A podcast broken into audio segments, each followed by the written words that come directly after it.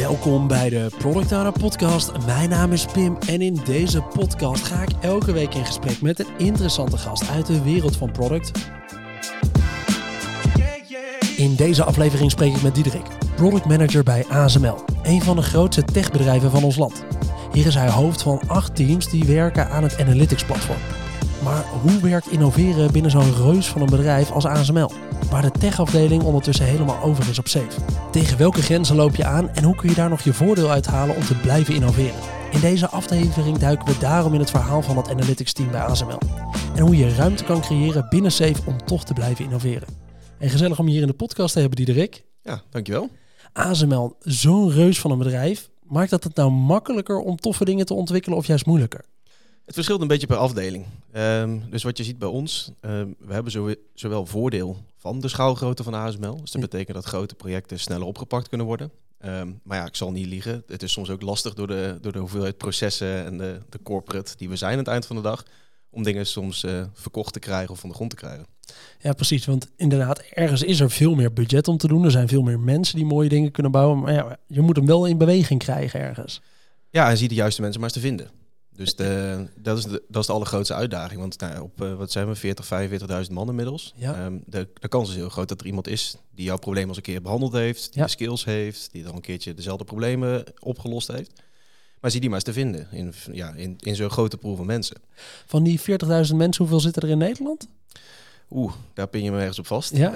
Ik zou zeggen 20, 25.000 volgens mij. Maar het zou kunnen zijn dat ik dat niet helemaal correct heb. Nou, ja, maar dat is echt al zo'n mega organisatie dat je je haast niet kan voorstellen. Want bijna iedereen daarvan zit ergens in een tech-onderdeel. Sommigen in meer in productie waarschijnlijk. En ergens aan de tech-development kant is ook al alleen al een reus. Ja, toen ik, want ik werk hier nou bijna vijf jaar. En toen ik daar begon, toen was ik volgens mij ongeveer 23.000. Ja. Nummer 23.000. Nou, de organisatie is nou ja, grofweg verdubbeld in die, eh, de afgelopen vijf jaar. En wat ASML wel echt uniek maakt, is dat normaal bij IT, daar zitten software development skills, daar zitten de IT skills. Maar bij ASML werkt zo'n batterij aan mensen die ook allemaal software development skills hebben. En ik denk zelfs nog wel meer en nog beter en meer gespecialiseerd dan bij IT. Ja. Dus ja, het is echt een techbedrijf in hart en nieren. En dat, dat maakt het soms wel eens uitdagend om... Uh... Ja, ik zit nu te denken, als je nou op zo'n tech voor tech onderdeel werkt inderdaad, dan, ja, dan heb je gewoon wel hele lastige stakeholders die eigenlijk bijna meer van jouw product afweten dan dat je er zelf soms van af weet. Ja, kijk, de hele data science machine learning veld, dat is, dat is niet bij IT of in een analytics gedeelte bij ASML begonnen. Dat is dicht op onze software begonnen, het is dicht op onze machine. Daar is de, de groep ontstaan ja, zie dan maar eens uit te leggen dat het op een andere manier moet. Terwijl zij al was twee, drie jaar voorlopen. Ja, is, oh, dat snap ik wel. Hey, hiervoor, uh, voor je huidige rol als product manager, zat je eerst op het Innovation Lab. Ik heb je ooit een keertje zien spreken op een, uh, op een evenement van uh, Act Now, is dat volgens mij. Ja. toen was ik al wel getriggerd, want dat Innovation Lab, dat mocht je ook wel coole dingen doen. Ja, nou ja, dat, dat, was en is nog steeds het allerleukste team binnen ASML IT. Laat ik het niet, laat ik niet te grote broek aantrekken. Ja. Uh, tegenwoordig is de product owner is Mout, een collega van mij, die heeft het overgenomen sinds begin, van dit jaar. Maar het innovatielab zelf, ja, dat is, een, dat is een fantastisch verhaal van waar innovatie dus wel goed is gegaan en hoe dat ook uh, binnen zo'n grote corporate als ASML overeind is blijven staan. Er zitten, ja, ik, ik denk dat het ongeveer 4,5 jaar bestaat het. En ja, het is ontstaan vanuit de wens om meer met innovatie te gaan doen. Zoals elk groot bedrijf op een gegeven moment zegt van ja, oh, coole dingen. Ja. Moeten we wat mee? Moeten we daar niet iets mee doen? ja. Uh, dus het zijn twee managers bij ons destijds. En die, uh, toen werkte ik een half jaartje ongeveer. Die zeiden, je hebt nog wel tijd over. Misschien ga dit maar samen doen. En destijds samen met, uh, met, een, met Accenture, dus een externe partner van ons. Vanuit dat partnership is dat geboren. kreeg ik samen met een collega destijds de opdracht van... ja, gaan jullie maar uitwerken in drie maanden... wat, wat we dan moeten doen met innovatie. Want nog ergens een potje met geld over. Um, nou, dat was de start van een hele lange reis. Ja. Uh, wat eind vorig jaar resulteerde in een innovatielab met 20 man ongeveer. En het fluctueert een beetje met, uh, met, uh, met de demand die er is en de, vra en de vraag en ook de aanbod en technologie wat, wat er gebeurt. Um, ja, het innovatielab is ontstaan van wat doen we nog niet? En Peter Rinze die noemde dat morgen, dat, dat, dat, noemde ik ook niet talk, dus the day after tomorrow. Ja. Dus wat doen mijn collega's wel al en wat doen ze goed, maar wat doen ze nog niet? Dus dat was vooral AI, machine learning, nou noem al die fancy uh, begrippen op. Precies, waarvan zo'n organisatie denkt, ja, we, we, kunnen het niet zomaar in één keer ergens in de organisatie inplanten. Maar als we nou eens even ergens een klein team hebben die daar gewoon mee aan de slag gaat en gaat kijken, kunnen we daar niet alvast iets kleins mee? Ja, en je moet het ook niet doen. Want aan het eind van de dag, kijk, alles wat ik noem, dat is gewoon gereedschap om een doel te bereiken. Ja. Dus om dat direct in een operatie te duwen, en zeker een IT-organisatie, ja, dat, dat gaat niet, dat moet niet, want je bent met veel belangrijkere dingen bezig. Dat betekent niet dat je niet na moet denken over de dag van overmorgen. Ja. En daar is het innovatielab destijds uit ontstaan. Ehm, nou ja, dat, heeft een, dat was een hele reis om dat eh, te krijgen tot het team eh, wat het vandaag de dag is. Ah, wat cool. Ah, leuk. Dat zijn wel, dat zijn wel mooie dingen, inderdaad. Want dat zie je altijd binnen corporates. Die beginnen op een gegeven moment, komt er iets van een innovatieonderdeel, of een testonderdeel, experimentatie. Die mogen wat meer en die Ja. krijgen wat meer vrijheid. Krijg je dan niet een hoop jaloezie van andere collega's die zien dat jij wel wat sneller mag bewegen met dat team? Eh, nou ja, dat is misschien het beste te beantwoorden aan mijn collega's. Die, die, die vonden het innovatielab, want we hadden natuurlijk een tv'tje. En, ik, had, ik, ik had mijn Playstation meegenomen die thuis stond te verstoffen. Eh, dat konden mijn collega's niet allemaal waarderen. Dus eh, in, op een druilige dinsdagochtend kwamen we op kantoor. En eh, daar vonden we een, een luier. op, in ons kantoortje. Die daar, Ja. Een schone luier, dat is wel belangrijk. Die vonden wij daar. Omdat de onderliggende boodschap was... ja, het, het is een beetje een kinderspeeltuin wat jullie aan het doen zijn. Dus die scepsis, dat, en dat heeft echt anderhalf, twee jaar geduurd. Ja. Van, ja, jullie zitten met alle leuke dingen te doen. Jullie zitten met alle dingen te, die niet direct hoeven te werken. eh waar we Ah. experimenteren en leren doel is. Ja. Terwijl wij hier het echte werk aan het doen Ja, zijn. ja, ja, ja. Dus ja, het, was, het is twee, drie jaar lang echt een gevecht geweest om aan prioriteit, geld, ehm, ehm, tijd van andere mensen gewoon te krijgen. En mijn collega's die waren destijds nog niet allemaal even enthousiast, laat het zo noemen. Ah, mooi.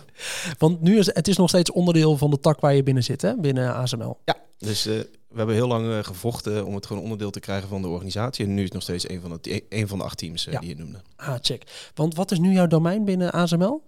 Ja, dus ik, ehm, ik, ik ben een product manager op het ASML Data Analytics platform. Ja. Dus ehm, we hebben een, ja, we hebben 25, nee, ja, 25 tot 30 teams die allemaal analytics doen of data transformeren in iets nuttigs. Ja. Eh, maar die teams die hebben allemaal generieke diensten nodig. Die hebben allemaal toegang nodig tot de data.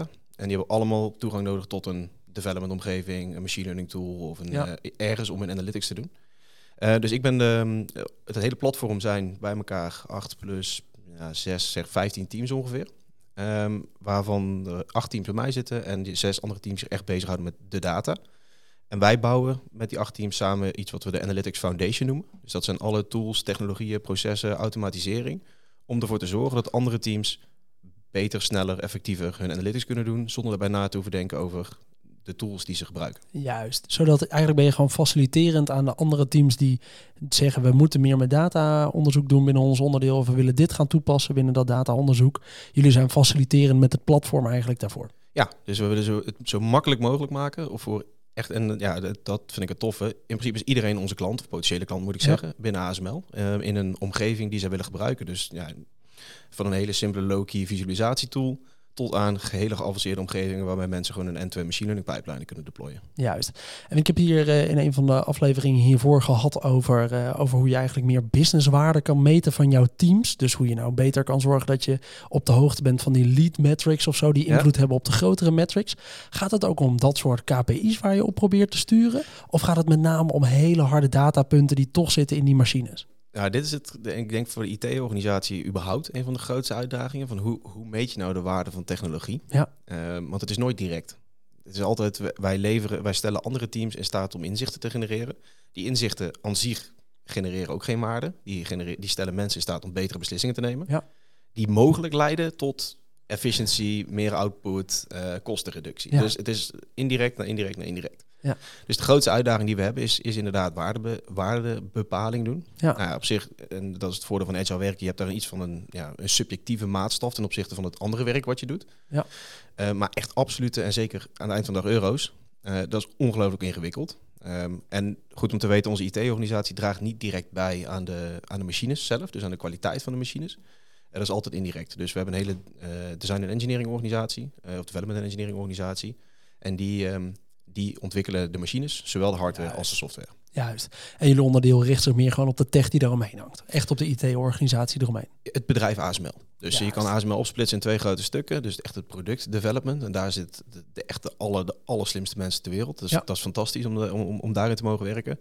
En dan heb je de, het, de, de organisatie ASML besturen eigenlijk. En dat is waar wij mee helpen met technologie en data. Ja, Ah, check. Nog een paar jaar werken, dan mag je naar de andere kant. Bij de echt slimme mensen. Ik, ja, dat weet ik weet het niet. Dat zijn echt, dat zijn echt, Ja, dat is echt de allerslimste ter wereld. Ja, daar heb je gelijk in. Ja, dat is wat ze, wat ze bij elkaar proberen te trekken natuurlijk bij ASML. Absoluut. Wij hebben het van tevoren hadden we het even over wat is nou een leuk onderwerp om het over te hebben. Zeker in die richting. Hoe ziet nou bij jou die ontwikkelomgeving er ergens uit? En toen vertelde je wat over dat jullie eh, met Safe natuurlijk werken. En nou, we kennen veel, eh, veel van de luisteraars zitten ook in een eh, Safe omgeving, met name binnen de grote corporates in Nederland. En waar ze vaak tegenaan lopen is dat innoveren binnen Safe zo moeilijk is omdat de afhankelijkheden enorm worden. Kun jij even een kleine basisintroductie geven voor die PO's die misschien wat minder bekend zijn met Safe over hoe dat er een beetje uitziet in een organisatie als je zo werkt? Kijk, ja, Safe is een, ja, een, een framework wat we gebruiken om, als we op een gegeven moment als eh, Scrum niet meer werkt, dus individuele teams aansturen, werken Ja. op een gegeven moment niet meer. Dus ehm, zeker de groep waar ik werkte, ze hebben, zijn wel heel lang geleden begonnen met Agile werken. Het Scrum, het Scrum framework eh, geadopteerd, ik denk mm, vier jaar geleden ongeveer. Ja. Misschien iets langer. Eh, dus we zijn een van de, ja, de voorlopers binnen ASML IT. Maar op een gegeven moment krijg je toch, ehm, ja, dan zie je toch dat er, onder, on- eh, dat er afhankelijkheden ontstaan tussen verschillende teams. En dus bedienen dezelfde klanten of producten zijn te groot om met een enkel team te bedienen. Ja. Ehm, op dat moment komt schaling komt, ja, komt tevoorschijn. En dan eh, heeft Save een commercieel slim product neergezet. Skilled Agile. ja. Skilled Agile Framework. ehm, waarbij je gewoon het beste pakt van alle andere frameworks en methodologieën. En, ehm, en dat eigenlijk, wat we als grote corporates heel fijn vinden, verpakt in één enkele aanpak en transformatie. En daarna krijg je een stempel, je bent, je bent agile eigenlijk. Ja. Dat is wat je wil. Eh, nou ben ik niet per se kritisch op Safe, maar er zit op de implementatie ervan. Want Safe stelt je in staat om de organisatie niet te veranderen. Ja. En daar wel een aantal methodologieën van Safe, of eh, een aantal agile methodologieën in te fietsen. Juist. Dat is niet per se slecht. Dus ze- als je het vergelijkt met onze projectorganisatie die we drie, vier jaar geleden waren, dan zijn we al een stap verder. Alleen de essentie van het safe werken en de snelle feedback loops en dat soort zaken, eh, die worden niet per se getriggerd. Dus ik, ik heb altijd het gevoel bij als wij safe implementeren, dan gaan we alignen, want daarvoor is het scalen nodig. Ja. Terwijl ik eh, juist, en dat doe ik ook met mijn teams, probeer nou focus te leggen op jouw product en op jouw domein. En hoe krijg je nou minder dependencies? Hoe krijg je nou jouw eigen domein wel in context? Want dat is heel belangrijk, zeker binnen een grote organisatie. Want ja, je kan het niet alleen doen. Je kan niet een eh, droomscenario van een feature team die in een soort van isolement leeft. Dat, dat kan niet. Ehm, dus die alignment is wel nodig, maar dat betekent niet dat je maar ultimo met meer teams aan hetzelfde product moet gaan werken. Kan je niet je product op gaan knippen. En Toch een soort end-to-end verantwoordelijkheid krijgen Ja. op, op dat kleine stukje in ieder geval. Ja. Ja, dus ik heb, ja, ik heb hard meegeschreven zeg maar, om onze organisatie naar een platformorganisatie eh, te- toe te krijgen. En ehm, daarbij wel heel erg die autonomie, of in ieder geval die, die, ja, die type teams. Ik heb daar heel erg het, eh, het boek Team Topologies voor gebruikt. Ja. Omdat daar die archetypen van teams die erin zitten, die maakt het heel simpel. En dan maakt het niet uit of je Safe gebruikt of welk framework dan ook. Maar aan het eind van de dag gaat het om flow en werk.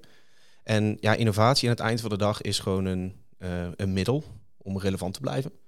Dus ja, Safe kan het moeilijker maken om te innoveren. Eh, afhankelijk, eh, afhankelijkheden kunnen het moeilijker maken om te innoveren. Maar aan het eind van de dag heb je ook gewoon een paar ja, brutale, slecht luisterende PO's nodig. Die denken, ik weet wat mijn klanten nodig hebben. Ja, En eh, daar gewoon voor gaan. juist. Precies. Dit heeft de gebruiker nodig. Dus we moeten gewoon die kant op gaan. Ja. ja want ergens is het inderdaad... De, wat, je, wat je creëert is dat je veel meer die afhankelijkheden met elkaar gaat bespreken. Dat is een beetje wat je in de basis ziet ontstaan.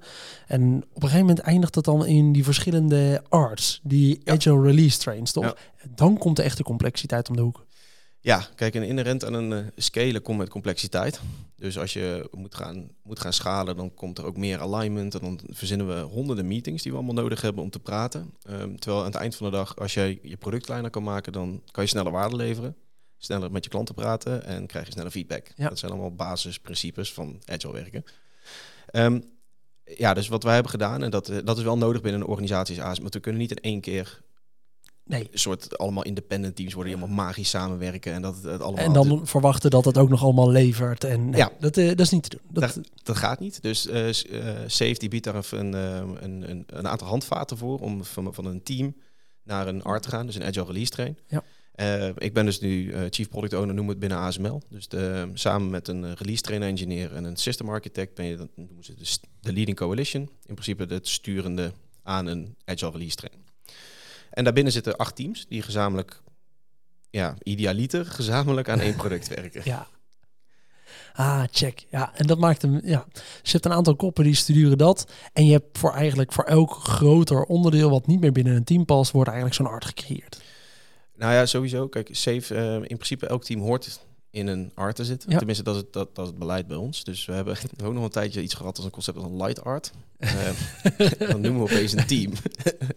noemen we geen team meer.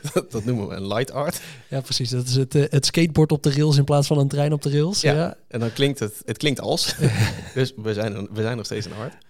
Ehm, en op zich die art, en dat geeft wel, kijk, en dat is denk ik wel goed, die, die, ehm, waarbij we eerst jaarlijkse planningscycli hadden, doen we dat nu met een PI, dus nou, zeg grofweg 2,5, 3 maanden. Ja. Dat is prima. Dus ook dat je afstemming hebt op een productniveau tussen verschillende chief product owners of de product management functie, moet ik eigenlijk zeggen. Dat is goed. En dat, dat werkt ook, want dan kan je ook op een iets langere, op een PI increment of een program increment, kan je dus op drie maanden of eigenlijk op, hopelijk op een jaar zelfs alignment hebben. Ja. Ehm, maar dat je vervolgens ook binnen die art allemaal operationele afstemming moet hebben tussen die teams, ja, dat is niet altijd nodig of handig. Dus daar zit wel een soort van pick and choose in wat je, wat je moet doen. Juist. Stel, je zit nou in, dit, eh, in ditzelfde scenario. Ik denk dat dit heel fijn was even voor, eh, ook voor mij. Ik heb nog nooit in een safe omgeving eh, gewerkt. En voor, voor veel van de luisteraars misschien ook wel bekend. Dus het is goed om dit even erbij te snappen. Maar er zit ook een hele grote groep die werkt wel binnen dit systeem. Ja. Die lopen ergens vaak vast als ik zo hoor in de ruimte om nog wat te kunnen innoveren hier binnen. Ja. Wat kun je nou doen hier binnen om toch wat ruimte te krijgen eigenlijk om te blijven innoveren?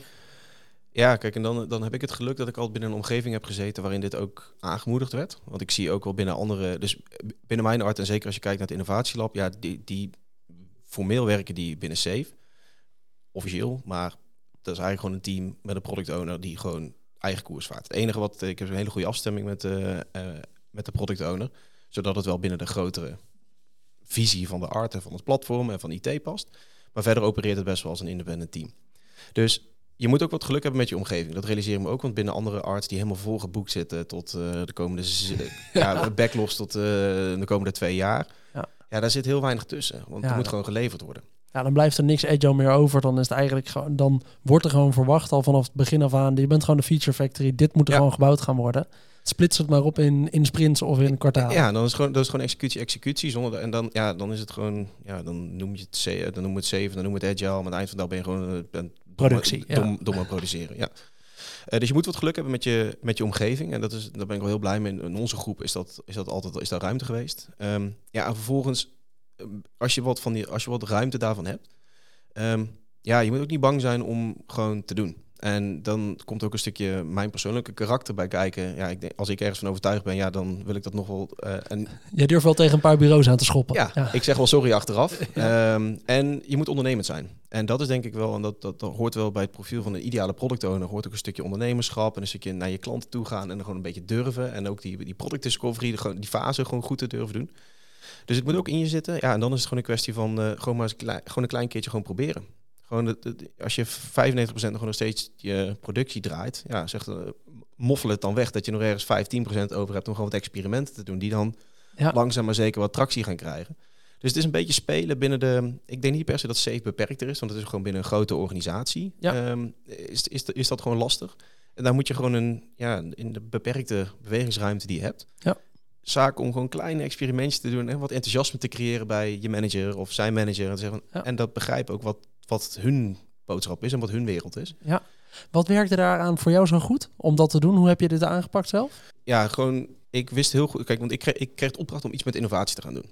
Eh, dus dat was binnen, de, binnen het innovatielab destijds. Maar ik, het is heel belangrijk om te snappen aan het eind van de dag de mensen die jou eh, de zak met geld toeschuiven, die met, Ja. over capaciteit gaan, hoe ziet succes er voor hun uit? Dus wat kunnen zij onder de arm meenemen naar hun baas om te laten zien dat het innovatieteam daadwerkelijk ehm, iets toevoegt? Ook al is het niet misschien op de, op de, eh, op, op, de dag van vandaag. Ja. Maar is het iets voor morgen, voor overmorgen? Dus je moet heel goed snappen. En dus ik heb, we hebben ook echt focus toegepast zeg maar, op het. Want ja, goed, ik zit in het analytics domein. Dus ik heb ook gezegd, ja, alles rondom blockchain en alle andere coole dingen. Blijven we. Dat, dat, dat is niet mijn domein. Nee. Wat wij praten is de, de, de toekomst rondom data en analytics. En dat zijn de geavanceerde machine learning toepassingen. Dus dat plus ja, gewoon goed luisteren naar de, naar de mensen om je heen. Van hoe ziet succes ook er voor hun uit? Ja. En dan stapje na stapje na stapje. En dan kan je op een gegeven moment ook met een grotere budgetaanvragen terugkomen. Van hey, ja, wil je meer van dit? Of je ziet dat onze klanten hierom vragen. Want aan het eind van de dag, ja, als iemand binnen de, onze business zegt van ja, dit is tof, dit moeten we hebben. Of IT, waarom doen jullie dit niet vaker? Ja, dat zijn aan het eind van de dag ook waar iedereen bij ons harder van gaat lopen. Ja, ja, dat is mooi. En dat is weer het coole aan zo'n grote organisatie. Is natuurlijk, ja, als jij ergens een goede besparing weet te creëren hiermee, dan gaat het gelijk om miljoenen die je ook weet te besparen. Ja. En, eh, en dat is ook wel weer het leuke aan, eh, aan zo'n grote organisatie. Hey, je zit nu, eh, heb je natuurlijk wat, zit je net eigenlijk in die rol erboven. Je hebt wat meer product owners onder je zitten. Ja. Zie je dat zij hiermee struggelen? En wat is eigenlijk dan de vraag die je vaak krijgt waar je mee eens moet helpen? Ja, dus ik, het, verschilt een beetje. Ik heb sowieso een fantastisch team met product owners onder me zitten. Dus dat is echt, mm, ja, zonder hun zou ik deze functie überhaupt niet kunnen doen. Want het zijn echt acht verschillende domeinen. En ik, ja, ik heb de schone taak om het aan elkaar te lijmen. Ja. Ehm, en je, ja, het, het verschilt een beetje per type team. Dus ik heb echt in mijn, in mijn art zijn het vijf, nou, dus het zijn nu vijf teams, over een paar weken zijn het er acht. Ehm, dat zijn allemaal verschillende met een eigen klantengroepen en een eigen producten. Dus de uitdaging voor mij is juist om het in één groot ja, systeem, heet het dan, uh, uh, binnen Safe te gieten. En hun uitdaging verschilt een beetje per, ehm, per type klant. Dus de ene die heeft, ehm, uh, die heeft moeite om ja, innovatie eh, toe te passen, gewoon echt binnen de operatie. Dus dan is, is, is daar een samenwerking met het innovatielab heel dichtbij. Ja. En een van de uitdagingen voor het innovatielab is bijvoorbeeld met de andere teams, dus niet alleen binnen mijn hart, maar ook de andere teams, om te zorgen dat succesvolle innovaties ook uh, in productie komen of geschaald gaan worden uiteindelijk. Ja. Dus dat zijn totaal type, verschillende type problemen. Dus het kan heel operationeel zijn of het kan inderdaad een stuk, uh, een, een, stuk schalen zijn. Ja check. Ah, dat is wel een, dat is een, een, iets wat je voorbij gaat zien komen natuurlijk als je in die rol komt. Dat je eigenlijk anderen moet gaan faciliteren in hoe ja. zij zelf die rol eigenlijk beter kunnen gaan vervullen. Ja, dus het is ook een heel stuk, een heel stuk en dan een heel stuk coaching. En dan is het zelf ook met wat ik de afgelopen jaren en het in het, in het werkveld zie gebeuren. Maar mijn job bestaat er eigenlijk, ja, ik, ik, ik zeg het al zo, hoe misbaarder ik ben, hoe beter ik mijn werk doe. Ja. Want hoe beter die product owners dicht tegen hun klanten aanzitten um, en snappen waarvoor ze dit bouwen en ook nog een stukje visie snappen, dat is dan het stukje wat ik er overheen leg. Ja, ik hoef daar niet tussen te zitten. En dat is, en dat is wel een nadeel van Safe bijvoorbeeld. En daar is de chief product owner een soort van de, ja, degene die alles besluit en alles prioriteert. Ja. Ja, ik geloof daar niet in. Want de klanten van het innovatielab zijn totaal anders dan de klanten van, uh, van, een, van, van een visualisatieplatformteam als van een uh, andere applicatieteam wat er zitten. Um, de product owner heeft eigenaarschap.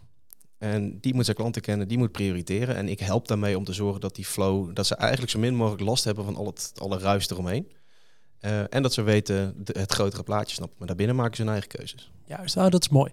En we hadden net al eventjes iets meer in het begin van deze aflevering over inderdaad dat je wil overleggen met degene die boven je zit ergens. Wat dan het succes ergens is. Hè? Wat nou, waar is nou de meetbaarheid op? Wat zeker als je een soort van faciliterend bent aan een ander team, zodat ja. zij iets kunnen doen, zodat zij iets kunnen doen. Wat is voor jou dan succes? Hoe meet jij nu succes? Uh, dat verschilt dus weer per team. Dus uh, voor het voor het lab is het heel erg gericht op het aantal experimenten en dus ook het aantal gefaalde experimenten. Ja. Want aan het eind van de dag, ja, het lab moet leren en falen. Ja. Um, maar voor bijvoorbeeld. Uh, dat is goed dat je die in ieder geval meeneemt. Hè? Dat is vaak. Uh, er zijn zoveel organisaties die alleen maar experimenten zien als als het een succes is voor onze gebruikers, dan was het een goed experiment. Dus die zit er in ieder geval in. Dat is ja, mooi. inderdaad. Ja, anders heb je niet hard genoeg geprobeerd of niet genoeg geprobeerd ja. in ieder geval.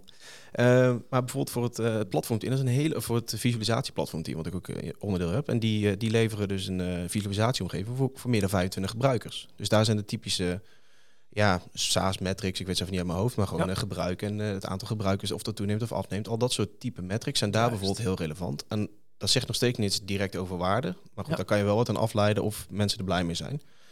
En maar daar zijn we nu hard mee bezig. Uh, alle customer satisfaction en team satisfaction surveys worden gewoon uitgestuurd. Ja. En again, dat zijn, dat zijn trends. Um, dus daar wordt wel het een en ander aan afgeleid.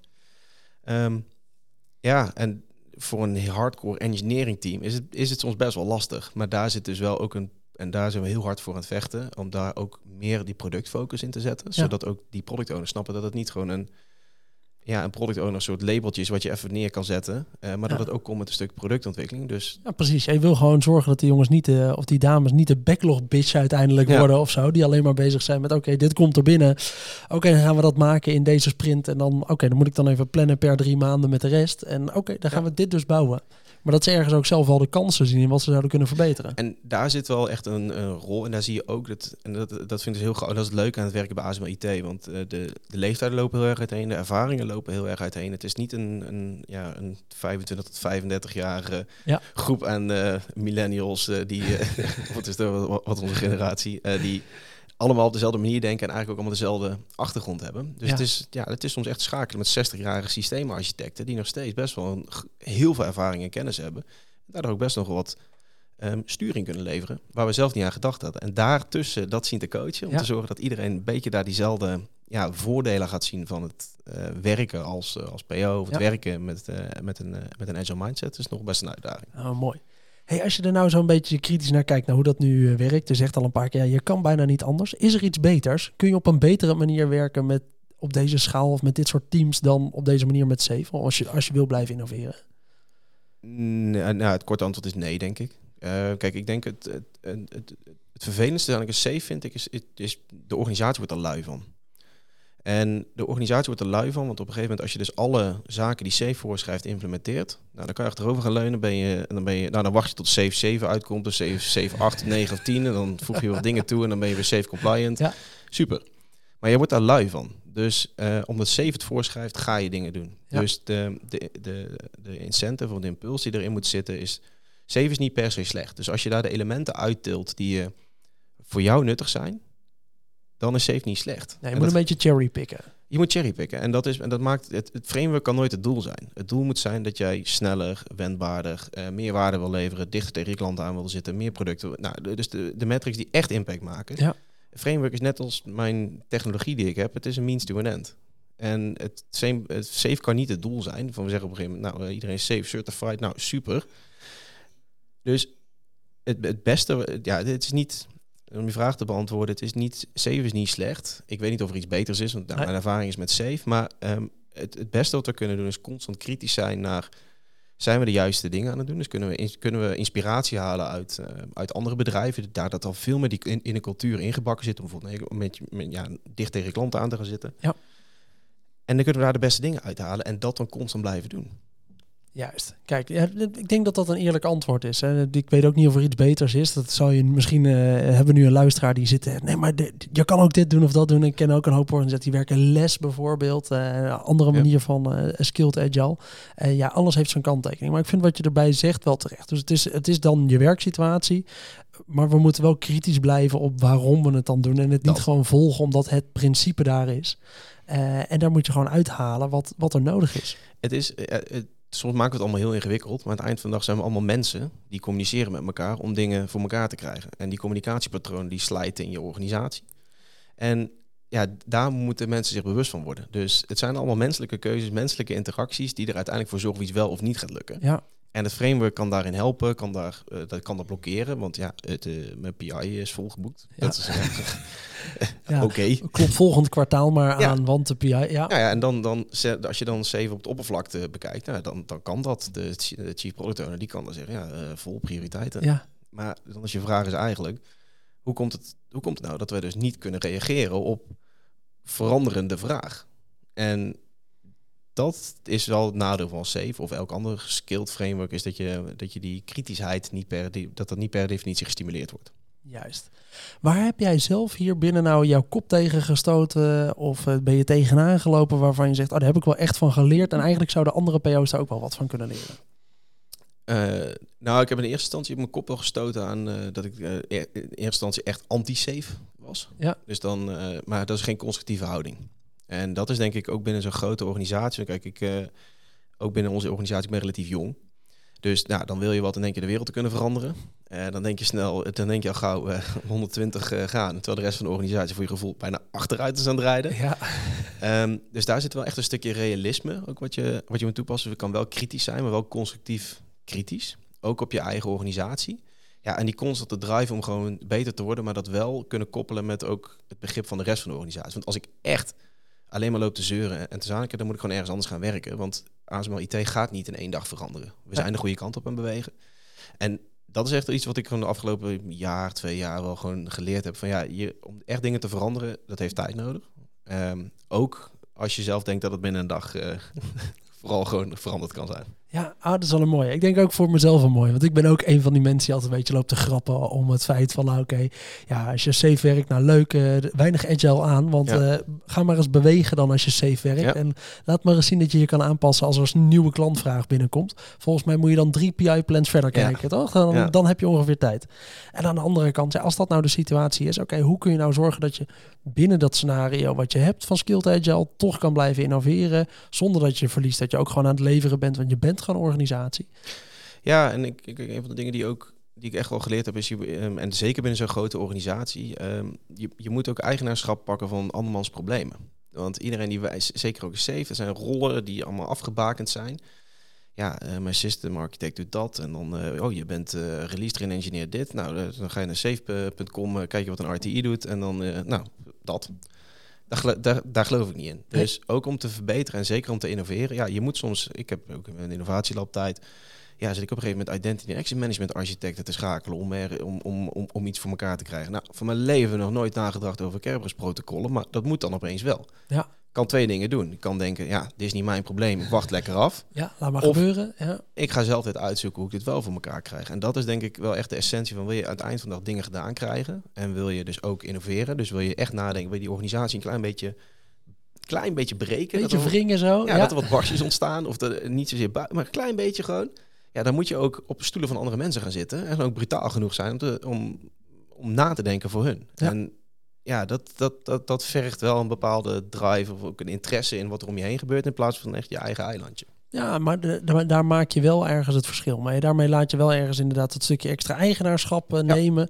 Als je dat consequent doet, binnen wat voor omgeving je ook ziet, dat gaat altijd opvallen. Ja, en dan, en dan krijg je ook dingen voor ook, dan, dan krijg je ook dingen voor elkaar. En dat, dat, dat ja goed, ik vind, ik vind mijn werkveld gewoon heel leuk. Dus dat betekent ook dat ik niet op één stukje geïnteresseerd ben. Dus ik Nee. vind het echt, ik vind het echt fantastisch wat ik doe. Dus gewoon dat hele data, AI, eh, analytics werkveld, dat vind ik superleuk. Dat Ja. weet ik. Ehm, en ik vind ook alles daarin interessant. Ja, en dan hoort er soms bij dat je een stukje, dat je iets doet wat ja, waar je nog nooit van gehoord hebt. Maar dan krijg je wel eens dingen sneller voor elkaar. Terwijl je anders een, ja, moet wachten tot het team zelf misschien wel capaciteit heeft. Cool. Ik vind het eh, leuk eh, hoe we dit onderwerp even uiteen hebben gezet. Voordat we doorgaan naar eh, de grote lessen die we hieruit kunnen halen. Ja, we zijn hier op het moment allemaal kennis aan het delen met, met luisteraars. Ehm, is er nog een manier waarop jij zelf slimmer wordt? Is er nog een boek wat je de afgelopen tijd hebt gelezen, een podcast, een opleiding die je hebt gedaan waarvan je zegt, daar ben ik echt slimmer van geworden? Ehm, ja, dus het is wel een aantal lessen. Dus nou goed, ik, ik, ik zei net ook al, het Team, het team Topologies boek. Ehm, dat is, nou, dat weet ik voor 100, 150 bladzijden. Zeker als je geïnteresseerd bent in iets meer in, in organizational design. Dus hoe, hoe, Ja. hoe kunnen teams nou functioneren? Fantastisch. Dus we praten allemaal soms alsof het heel ingewikkeld is. Maar aan het eind van de dag, wat ik net ook al zei, het draait om teams en interacties tussen die teams. En hoe zorg je ervoor dat die teams gewoon waarde kunnen leveren. En er zijn gewoon goede onderzoeken al naar gedaan. Je hoeft het niet helemaal zelf te verzinnen. Ja, het is echt, en het is voor een heleboel mensen die dus ja, willen weten hoe een team en hun product en diensten moeten leveren. Ja, dat, boek is fantastisch. Het is gewoon een soort handleiding ook hoe we onze, hoe ik in ieder geval mijn eigen hart voor me heb gegeven. Ja. Ehm, over innovatie en dan dus om je vraag te beantwoorden, ik, ik, ik lees wel veel. Eh, soms gaat het gewoon Tom Clancy boeken, eh, gewoon een soort actiefilm in een boek, gewoon het brein uitzetten. dat is heerlijk. Ja. Je wordt er niet slimmer van. Ehm, maar ik lees ook wel gewoon voor de afwisseling lees ik dan van die eh, ja, corporate innovatieboeken, lees ik er gewoon af en toe tussendoor. Eh, ik heb het boek van uh, Safia Bakkal, dus de Loonshots. Ja. Fantastisch. Ja. Over corporate innovatie. Dus dat gaat over het eh, creëren van twee systemen. Dus één systeem. Ja, vroeger werd het nog wel eens bimodal IT genoemd. Nou, dat is afgrijzelijk. Maar het gaat dus over het, het creëren van, van twee systemen. Dus een systeem wat gewoon schaalt en wat draait. En het, systeem, en, het, uh, en een systeem van innovatie, dus waarbij wordt nagedacht voor de volgende dag. En het creëren van die brug ertussen. En dat is de crux. Juist. Um, fantastisch boek.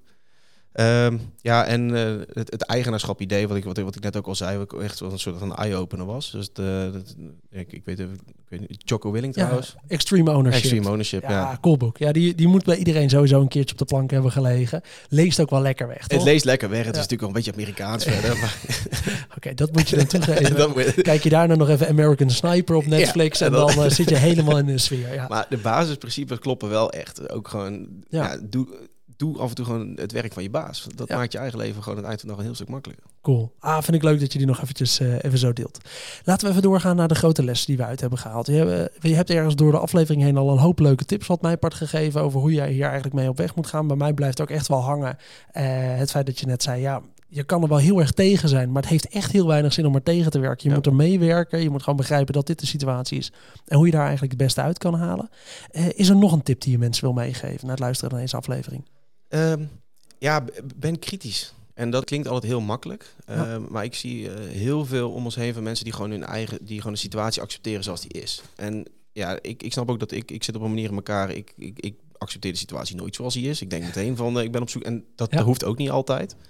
Maar ben kritisch op hoe zaken inge... Want aan het eind van de dag, ook een organisatie is het, het product van mensen. Die ding, en ze in, in een niet in een, en dat is wel belangrijk om te, om, om te zeggen, dus in een niet gereguleerde sector, dus kijk in, eh, in de financiële wereld, een heleboel dingen zijn gewoon zo, omdat ze gewoon verplicht zijn. Ja. Maar ASML, wij zitten niet in een gereguleerde sector, uiteraard onze finance afdeling wel, en we hebben natuurlijk een aantal eh, export compliance dingen. Natuurlijk. Ja. Aan het eind van de dag, wij zijn ook het product van dingen die we zelf bedacht hebben. Ja. Dus 9 van de 10 keer is iets, waarom doen we dit zo? Is het antwoord, ja, niemand weet het meer, want het- we doen het al 20 jaar zo. Is het antwoord, ja, dat hebben we ooit zo afgesproken. Ja. En als je dat op een gegeven moment ziet, dat, dat, dat, dat je dat ziet niet als een per se iets wat slechts is, maar als een verbeteringsmogelijkheid. Om Ja. bijvoorbeeld, Af en toe even die vraag te stellen. ja, wa- waarom, waarom doen we dit zo? En eh, hoe komt dit? En, eh, en gewoon een paar keer doorvragen. En dan kom je uit van de dag, denk ik, kom je uit bij de mensen die daadwerkelijk aan, die, eh, die aan de knoppen zitten. Die willen best wel helpen. Ja, als je maar de nadenken context over, juist. Ah, dat vind ik leuk. Mooi dat je die nog even meegeeft. Hey, mochten er nou luisteraars eh, zijn die deze aflevering hebben geluisterd en nu denken, ach, ik wil nog even iets meer hiervan snappen, mogen ze dan een bericht sturen via LinkedIn? Absoluut. Vind me, Kijk. vind me op LinkedIn. Kijk, dat is Diederik Edel op LinkedIn. Dan wil ik iedereen weer bedanken voor het luisteren naar deze aflevering van de Product Owner Podcast. Vond je dit nou een leuke aflevering? Vergeet dan niet om onze podcast een review te geven in je favoriete podcast app. Heb je nog vragen of opmerkingen voor mij? Stuur me dan vooral een berichtje via LinkedIn, dat is Pim Pot, of op pim.productowner.nl. En dan hoop ik dat je de volgende keer weer luistert. Tot dan!